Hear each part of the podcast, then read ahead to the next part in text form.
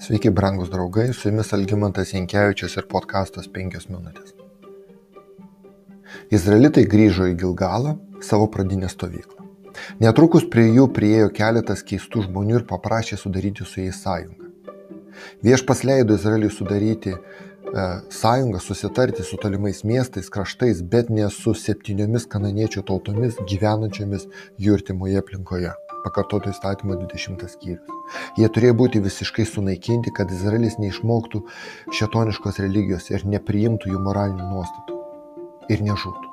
Šie žmonės, Gibeono gyventojai, karališko miesto gyventojai, atrodo, apie tai žinojo ir todėl apsimetė, kad jie būktai atvyko iš toli.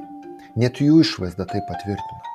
Gana nušiūrę drabužiai, lopyti batai, džiovinta ir supelijusi duona turėjo slėpti jų tikrąją padėtį. Jie sakė, kad savo tėvynėje, tolimoje šalyje, žmonės išgirdo apie stebuklus, kuriuos Dievas padarė Izraelitams Egipte ir prie Jordano ir pasiuntė juos sudaryti sąjungą su Izraeliu.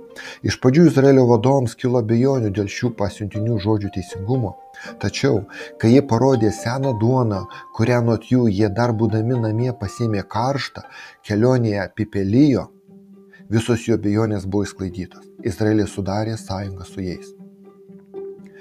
Vyrai patikėjo jų žodžiais apie maistą ir drabužius, bet viešpatė žodžių neatsiklausė.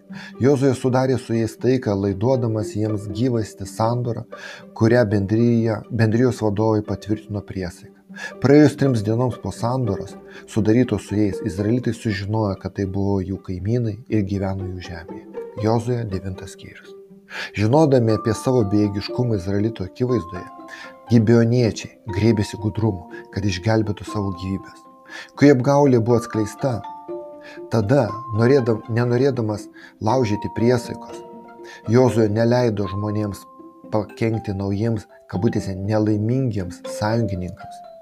Tačiau tuo pačiu metu jis nustatė jų likimą. Nuo šiol gibioniečiai tapo vergais, kirtėjais ir vandenio nešėjais Dievo namams ir bendryjai.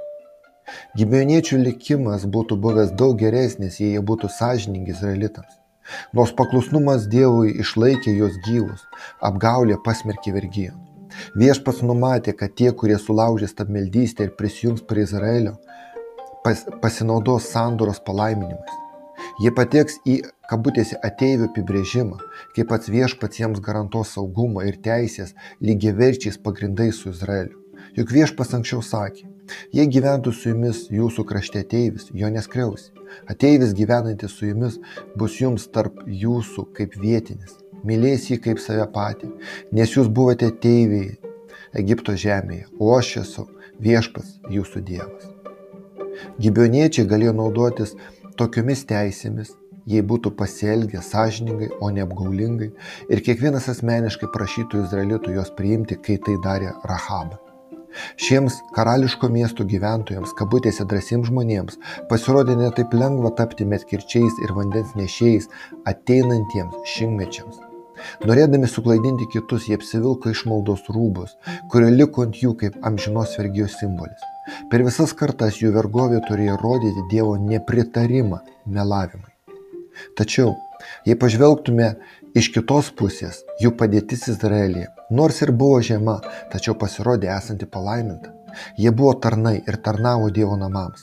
Dirbdami viešpaties namuose jie atsidūrė tokioje padėtyje, kur galėjo lengvai sužinoti apie tikrąjį Dievą.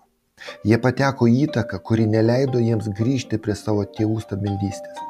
Nepaisant to, kad jie buvo Izraelio vergai, jie tarnavo Dievui ir dėl jų darbo ugnis nuolat degė ant aukro. Kai kurie Biblijos tyrinėtojai mano, kad nefusiečiai, Ypatinga šventyklos tarnautojų rūšis, įsteigta karaliaus Dovido, tarnavusi net Nehemijo dienomis, buvo tuo pačiu Gibeono gyventojų palikonis, kurie atėjo pas Dievą, nors ir kreivų keliu. Dievas pakeitė jų gyvenimus taip, kad jie stovėjo kartu su tauta pačiais sunkiausiais laikais, atstatant šventyklą ir tarnavimą po Babilono nelaisvės. Su jumis buvo penkios minutės ir Algymantas 应该。